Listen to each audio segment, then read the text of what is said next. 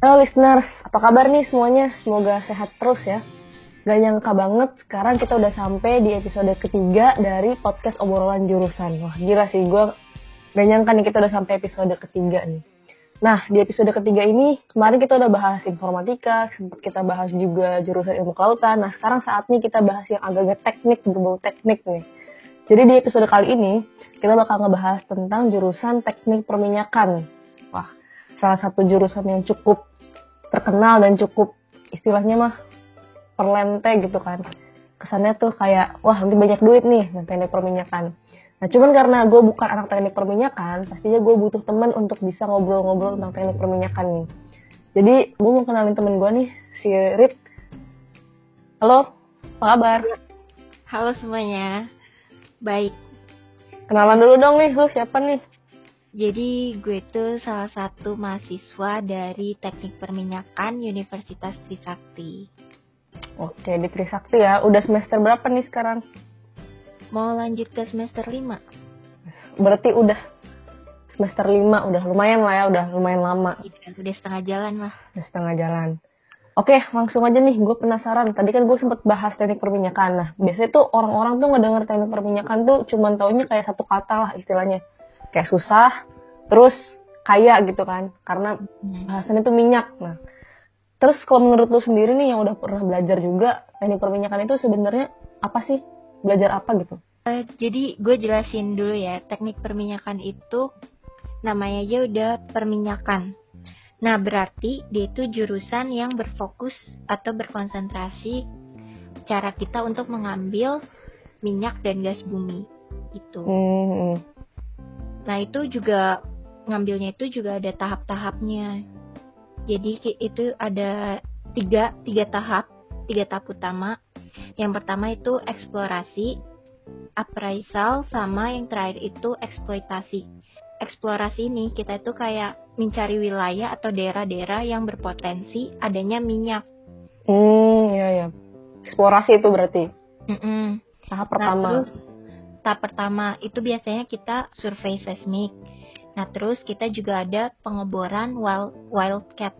Nah, pengeboran wildcat itu kayak pengeboran eksplorasi, jadi pengeboran pertama kali.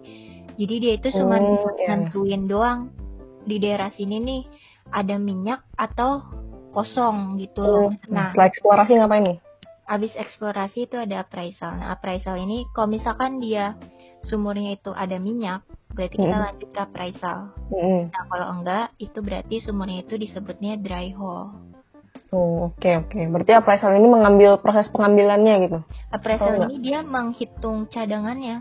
Oh, menghitung cadangannya. Hmm, menghitung cadangan yang di situ berpotensi berapa gitu, berapa barrel. Kalau udah gitu, baru kita ke tahap eksploitasi. Kayak pengeborannya gitu loh. Oh, jadi yang pertama dicari dulu, abis itu diambil dikit lah buat cari tahu ada minyaknya atau enggak. Baru abis itu dihitung minyaknya, baru setelah itu dibor gitu di eksplorasi dibor juga cuman dibor cuma satu sumur tapi kalau dieksploitasi hmm. dia uh, di wilayah itu kita bor berapa sumur gitu banyak oh, sumur udah mulai mengambil banyak sebanyak banyaknya hmm. gitu ya berarti itu skop teknik perminyakan tuh di tiga proses itu ya berarti ya eksplorasi dan ya. appraisal sama eksploitasi itu kan lulusan teknik perminyakan tuh diharapkan bisa melakukan proses itu nah kalau misalkan yang dipelajarinnya sendiri tuh apa sih dipelajarin selama berkuliah di teknik perminyakan gitu? Kalau yang dipelajarin, yang namanya masuk kuliah pasti dari yang dasar-dasar dulu. Semester hmm. pertama, semester kedua kita ketemu pelajaran-pelajaran yang kita dapat di SMA kayak fisika dasar, kimia dasar, statistika gitu. Hmm. Sama mata kuliah wajib gitu deh kayak bahasa Indonesia, hmm. PKN. Nah, terus pas semester 3 baru mulai berfokus ke pelajaran-pelajaran yang udah ke perminyakan gitu. Kayak hmm. peralatan pemboran, peralatan produksi, pengeboran, terus kayak karakteristik fluida gimana, karakteristik batuan reservoir gimana gitu. Hmm. Berarti uh, lebih banyak berhitung nih kayaknya. Mm -mm. Lebih banyak berhitung fisika gitu. Kan lu udah semester 5 kan udah agak-agak menengah nah biasanya ada peminatan nih di setiap jurusan tuh kalau di Trisakti sendiri teknik perminyakannya ada peminatannya nggak sih ada apa aja tuh jadi ada lu mau ke mana ke reservoir kah mau ke produksinya atau ke drillingnya atau pengeborannya Hmm. Kalau misalkan tadi si reservoir tuh apa sih reservoir? reservoir itu dia itu salah satu komponen dari petroleum system jadi di Hmm. petro- petroleum system itu ada lima kan ada Hmm. source rock terus migration terus reservoir rock terus ada trap sama cap rock Berarti itu tuh jenis-jenis batuan lah ya intinya ya, yang mengandung minyak gitu. Bukan sih, jadi petroleum system itu kayak daerah, ya sih daerah yang berpotensi ada minyak gitu. Hmm, oke oke. Kalau lu sendiri nih minatnya mau ke mana nih nanti? Gue minatnya ke pengeboran sih. Kenapa tuh? Nggak tahu ya, gue kan udah ngambil teknik pengeboran, terus Hmm. teknik reservoir. Nah, gue Hmm. lebih prefer ke pengeboran, kayak lebih seru aja gitu. Nah berarti kan kalau misalkan pengeboran tuh lu ngoperasin alatnya nggak sih Sep? Atau lu cuman ini aja, lu cuman ngitung-ngitungnya aja? Di pengeboran banyak sih, jadi kayak ada mat engineer juga kan. Hmm, jadi nggak cuman satu aja gitu ya? Tapi lu nggak bakal ngebor sendiri pakai tangan lu kan? enggak lah, Oh, pakai alat lah ya? pakai alat pasti. Iya iya benar. Sebenarnya nih kan kalau bahas dari perminyakan tuh gue sebenarnya agak nyaru gitu loh sama beberapa jurusan dan uh, pengen lu kasih tahu dong ke gue dan teman-teman juga tentang teknik perminyakan tuh apa sih yang ngebedain sama jurusan-jurusan tertentu misalkan jurusan geologi atau teknik geologi ataupun geofisika. Nah itu perbedaannya sama teknik perminyakan tuh di mana sih? Sebenarnya kita kalau kerja tuh pasti bareng sama geologi sama geofisika. Mm-mm. Karena di kegiatan eksplorasi itu eh, yang kerja itu geologi. Geologi Oh iya. Di di mereka bikin peta di mana eh, terdapat cadangan-cadangan minyak. Nah, Hmm. nanti terus di eh, diyakinin sama si geofisik ini. Mm-mm. Kalau geologi udah ketemu, geofisik nanti eh, juga kayak ngecek juga gitulah. Terus dia nge- ngeyakinin, oh di sini beneran ada minyaknya nih. Baru ke perminyakan. Nah di perminyakan itu nanti masuknya ke reservoir engineer. Oh, tadi kan lu ngejelasin nih kalau teknik perminyakan kan ada tiga tahap itu kan eksplorasi. Nah, berarti bersih sebenarnya teknik perminyakan juga belajar dong apa yang dipelajarin di geologi ataupun geofisika. Iya, dipelajarin. Hmm, jadi bisa dibilang lebih apa ya? Lebih luas gitu atau lebih? luas. Enggak sih, kita tuh kayak belajar dasar-dasar geologinya aja sih. Belajar dasar-dasarnya tapi lebih berkonsentrasinya Kita ada mata kuliah geologi migas, jadi kita khusus yang concern geologi migasnya itu loh. oh jadi kayak jadi pengetahuan dasar aja gitu ya. Mm, Tapi proses pengeborannya itu sendiri tuh jagonya lah teknik perminyakan gitu ya. ya. paham paham paham oke em, mungkin sekarang gue mau agak bermain ke hal-hal non akademis lah lu di kampus nih sebelum covid menyerang lu biasanya ngapain aja sih kesibukan lu Nongkrong, yang namanya Eh. anak di pasti anjay nggak lepas dari tongkrongan, iya nggak sih? nah, kurang tahu kak nongkrong abis itu ngapain lagi nih ada kegiatan mahasiswa yang lu ikutin nggak Ada. Sejauh ini sih gue baru join dua organisasi. Hmm. Organisasi keagamaan gue sama organisasi bukan organisasi sih kayak student chapter gitu. Dia organisasi non profit sih. yang ini bukan yang yang kayak himpunan mahasiswa perminyakan se Indonesia gitu Iya, oh dia iya Society of Petroleum Engineers. Oke. Terus eh, kalau misalkan eh, staf pengajarnya kayak gimana sih dosen-dosennya di sana? Dosen-dosennya baik sih. Maksudnya kalau Baik. kita tanya pasti dijawab. Terus mereka tuh kayak sekarang tuh lebih ngajarin kalau kita kerja nanti tuh gimana gitu loh. Hmm, ya benar. Aplikatif lah ya. Iya, Oke oke. Pasti kan setiap jurusan pasti ada beratnya, ada sedihnya lah. Nggak hanya seneng aja kan. Nah, lu selama kuliah 5 semester nih ada keluh kesah nggak sih selama di teknik perminyakan? kalau kesannya enggak sih, gue enjoy aja sih. Enjoy aja nih. Mm-mm. Asik. Positif banget nih orangnya nih kayaknya nih. Iya, karena prinsip gue seperti air mengalir. Oke oke. Berarti nggak ada keluh kesah lah ya. Mm. Terus kalau misalkan tadi nih gue di awal udah pernah bilang kayak pandangan-pandangan orang awam ke anak teknik perminyakan tuh kayak susah, terus keras, terus Dua dua. nantinya kaya gitu. Nah, coba lu konfirmasi lah. Mungkin dari yang pertama nih, yang susah dulu nih. Lu ngerasa susah gak sih belajar teknik perminyakan? gue em, enggak sih sebenarnya asal kita paham setiap apa yang dosen omongin itu Hmm. pasti bisa pasti Hmm, jadi, ada susah oke. Eh, Wah, ini sangat teladan banget lah. iya mah gak pernah nemu kesulitan, gak pernah nemu keluh kesah. Pokoknya hidupnya di teknik perminyakan nih seperti bahagia sekali gitu kan. iya kita tuh hidup harus enjoy Oke oke, terus yang kedua nih, eh ketiga dulu deh tentang nantinya kaya. Nah, bener nggak sih Sep? Coba lu konfirmasi lah sebagai anak teknik perminyakan. Hmm, betul sih karena gaji fresh graduate kita aja itu biasanya sekitar 10-20 Oh, gila. Kenapa sih yang nyebabin gajinya gede tuh? Apakah pekerjaan di lapangannya susah? Atau penuh resiko? Atau apa sih? ya pertama itu kan butuh pemahaman yang lebih lah Hmm. Hmm. Kok ketawa sih? terus, terus, terus. Iya kayak eh, kita mikir keras pertama, Hmm. terus kedua juga resikonya tinggi. Terus kita Hmm. kan juga kalau misalkan kayak di lapangan gitu, itu kan kita nggak bisa pulang balik gitu Oh kan. iya, bener-bener. Kalau di tengah laut lah ya contohnya. Iya. Bener sih. Terus yang terakhir nih, ya, kan? Ini empuk nih biasanya nih. Keras nih, bener nggak nih, Sep? Keras. Hmm. Gimana ya? Kalau ditanya keras, ya keras sih. Keras nih berarti. Iya karena butuh perjuangan banget kan. Hmm. Keras itu biasanya tuh ditujukan dengan embel-embel solid. Nah, berarti bener nggak nih? Kalau di teknik perminyakan itu pertemanannya solid, Iya dong, solid banget nih. solid. Karena Iya. kita eh, diajarin juga oleh kakak-kakak, abang-abang kita untuk melakukan lima parameter anak minyak. Apa tuh? Yang pertama kita harus berani, Hmm. sopan, Hmm. cerdas, Hmm. bertanggung jawab. Baru empat itu, Sep. Baru empat. Lupa nih berarti. Aduh, gimana ini nih seniornya nih abisin nih. Satu lagi apa, Sep? Satu lagi tuh inisiatif.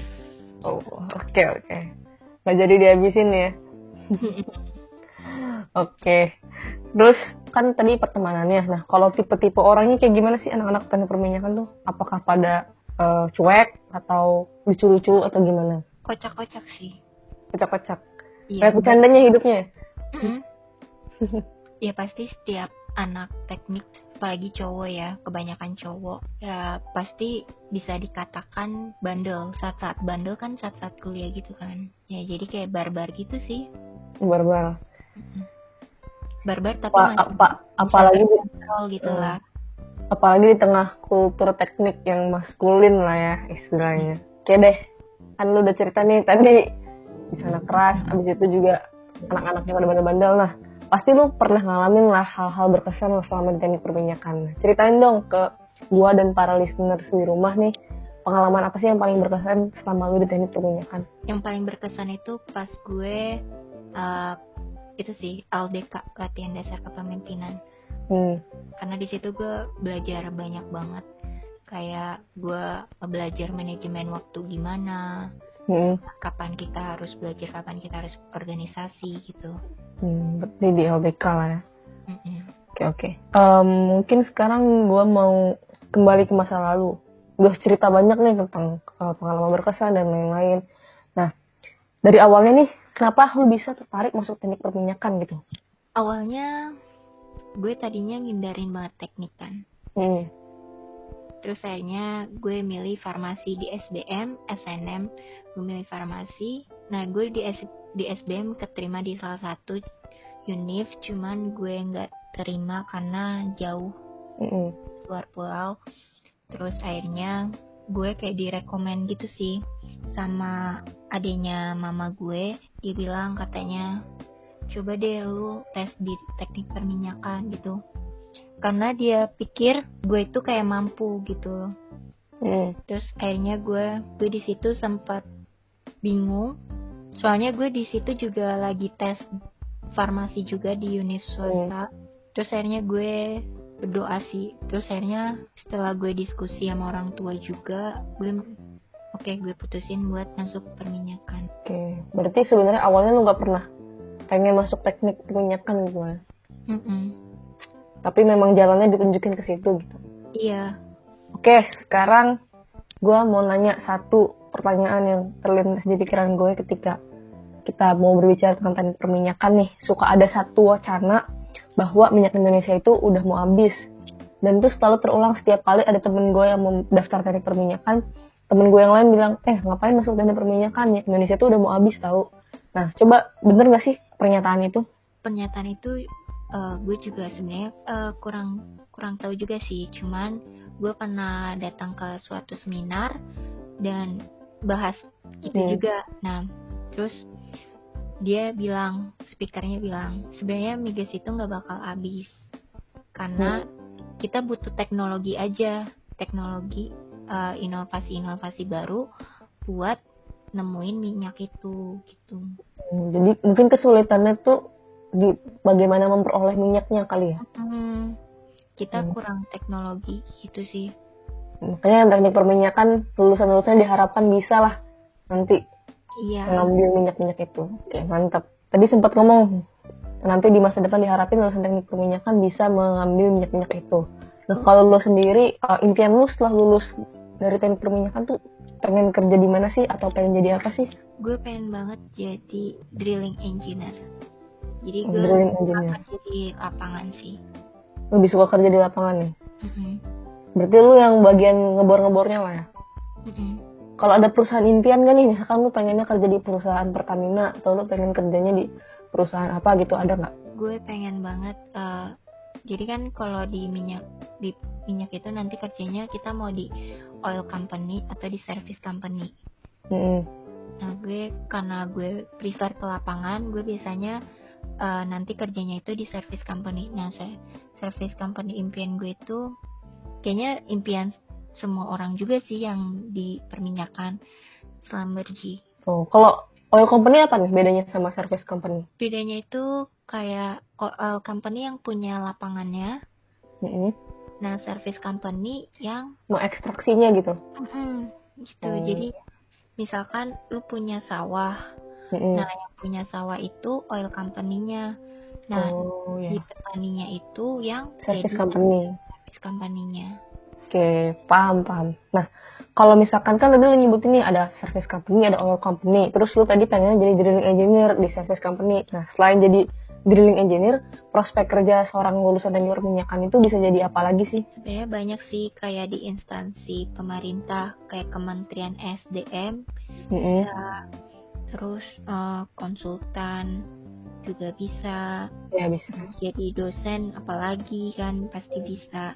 Mm-mm. Terus ternyata kerja di bank juga ada. Terus jadi di perusahaan asuransi juga bisa. Hmm. banyak sih. Berarti kalau selain drilling engineer yang spesifik teknik perminyakan, ada posisi lain nggak sih yang bisa dilakuin oleh seorang sarjana teknik perminyakan? Ada. Eh, Apa bisa jadi eh, spesialis K3 juga bisa loh. Keselamatan kesehatan kerja. Oke, ada lagi nggak? Terus jadi reservoir engineer, production engineer juga bisa. Banyak lah ya. Banyak. Oke, sepertinya kita sampai di penghujung podcast episode kali ini nih. Cuman mungkin sedih nggak? Sedih nggak? Sedih lah. Cuman mungkin nih kan lagi kemarin baru zaman ujian tertulis kan atau SBM lah zaman kita dulu mah. Nah, Uh, mungkin bisa disampaikan nih buat yang lagi ngedengerin ini dan dia masih SMA itu kalau misalkan mau jadi mahasiswa uh, di teknik perminyakan itu kira-kira butuh skill khusus atau butuh nguasain pelajaran tertentu nggak sih untuk bisa diterima dan survive di jurusan ini gitu. Kalau untuk survive itu kita harus kuat di perhitungannya sih kayak matematika, kimia, fisika. Tapi Mm-mm. Kalau yang nggak kuat bukan berarti nggak bisa survive, bisa. Karena sekarang kan teknologi juga udah canggih kan. Mm. Jadi kita di perminyakan juga diajarin cara menggunakan so- software gimana. Berarti udah nggak banyak ngitung, berarti lebih mengoperasikan software gitu. Iya, kalau kerja lebih ke aplikasi software itu. Ya bener-bener. Terus kalau butuh skill khusus nggak sih? Misalkan butuh skill menggambar gitu kan? Enggak, Oh nggak ada gamtek nih? nggak ada. Sumpah nggak ada. Dulu sempat ada, cuman setelah ya Dikaji lagi nih kurikulum gitu jadinya nggak ada. ada. Oke. Karena Mungkin ke pengoperasian kan dibanding Hmm. alatnya gitu. Lebih- Daripada merancang lebih ke pengoperasian ya berarti ya. Iya. Oke oke. Banyak banget nih pengetahuan dan juga hal-hal baru yang disampaikan di episode kali ini. Gue jadi banyak tahu juga tentang perminyakan yang sebenarnya gue awam gitu kan. Sambil menutup episode kali ini, dari lu sendiri ada nggak sih yang mau disampaikan ke siapa pun yang mendengarkan ini, baik dia anak SMA yang sedang menata masa depan atau siapa pun itu yang mendengarkan episode kali ini, ada pesan khusus nggak nih? Pesan khususnya, kayaknya kalian juga udah sering dengar kayak usaha nggak bakal mengkhianati hasil. Anjay.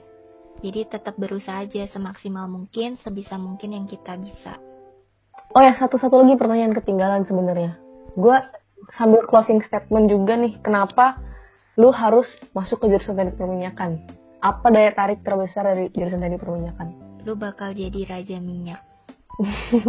Minyak bumi itu fungsinya banyak gak sih kayak? Minyak bumi banyak loh. Lu gunain plastik aja itu dari minyak bumi loh. Ada minyak Oh, buminya. Berarti ini aplikasi minyak bumi itu gak terbantahkan lagi lah ya? Iya. Setiap Jadi- benda yang lu pakai itu mengandung minyak bumi sebenarnya. Cuman ya ada kadar-kadar tertentu lah. Oke, berarti jangan ragu lah untuk masuk jurusan teknik perminyakan ya. Yoi. Nanti kayak lu kan jadi bahagia, Ya hidupnya senang. Intinya aja. Sepertinya cukup sekian episode kita di podcast obrolan jurusan kali ini. Mungkin aku mau ngucapin terima kasih sih untuk Rit, ya. Tadi gue panggil Sep juga yang udah mau meluangkan waktunya berbagi-bagi cerita kepada gue dan kepada yang mendengarkan episode kali ini. Dan terima kasih juga nih buat listeners yang mendengarkan dan setia mantengin setiap episode di podcast ini. Dan jangan lupa nih, gue mau ngasih tahu lu pada bisa follow Instagram at. Di situ kita bisa berinteraksi. Kalian bisa request, kalian bisa nge-like, kalian bisa komentar atau mengkritik. Pokoknya kalian bisa interaksi sama gue di situ di Instagram at obrolan jurusan. Di follow dan mampir ya teman-teman. Dengan begitu kita tutup saja lah episode kali ini. Dadah! Dadah.